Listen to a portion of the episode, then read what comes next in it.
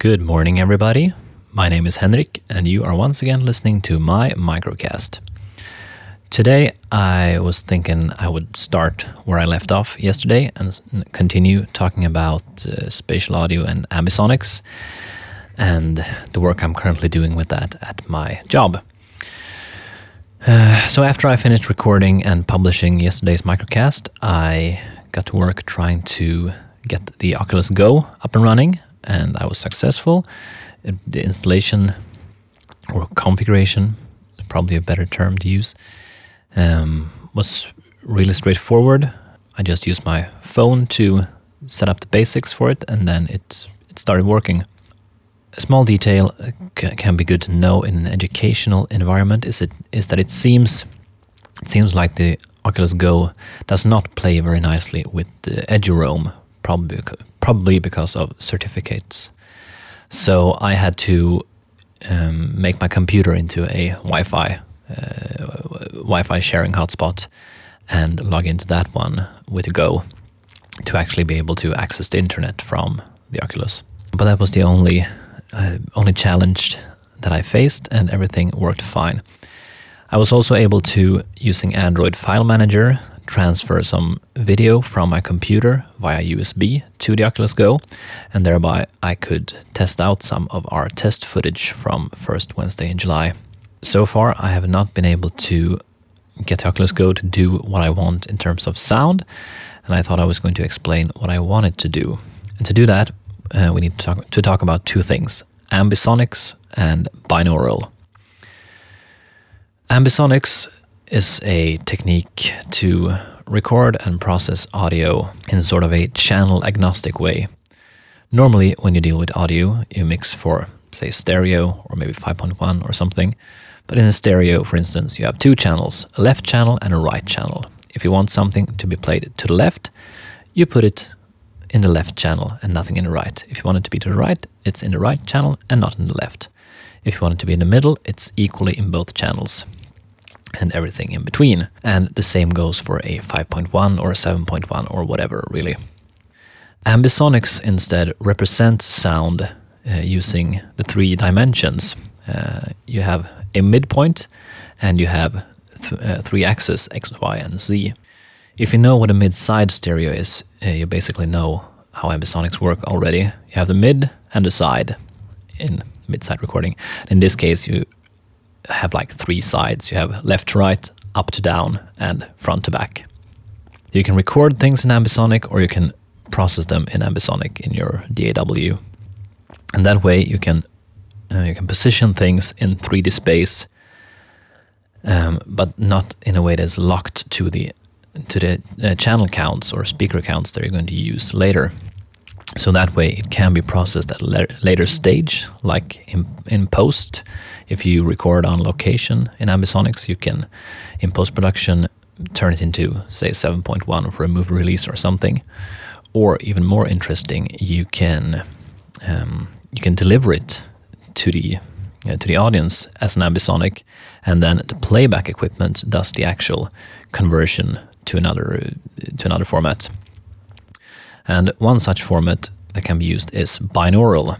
Binaural recording or binaural processing is all about trying to to simulate or emulate the way the human hearing works. The human hearing works the way it does because we have two ears. Those ears are spaced apart, and you have the head in between. That means that sound will arrive at our ears at different times from each other, at different volumes relative to each other, and with slightly different frequency response because of the way the head and the outer ear blocks certain frequencies. The simplest way to think about binaural recording is to think about a binaural microphone, usually uh, a dummy head microphone, where you had where you have like something looking like a head, and the microphones are actually in the ears.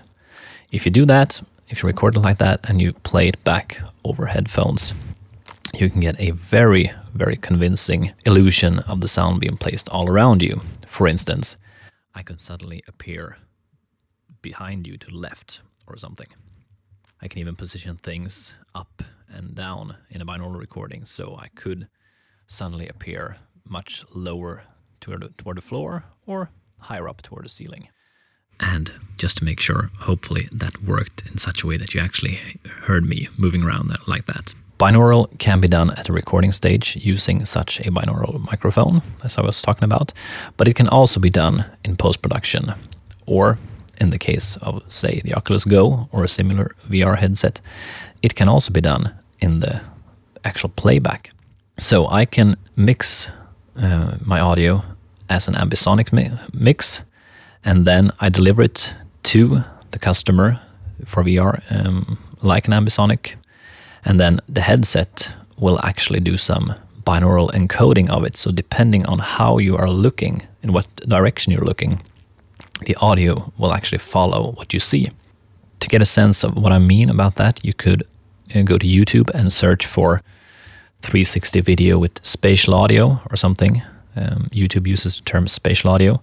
Then you put on headphones and listen to it on your smartphone using the YouTube app because that way the app will do uh, the app will will actually play the ambisonic the ambisonics mix, but it will encode it to binaural. So as you turn your head, your sound field will change will change with your mo- with your movement.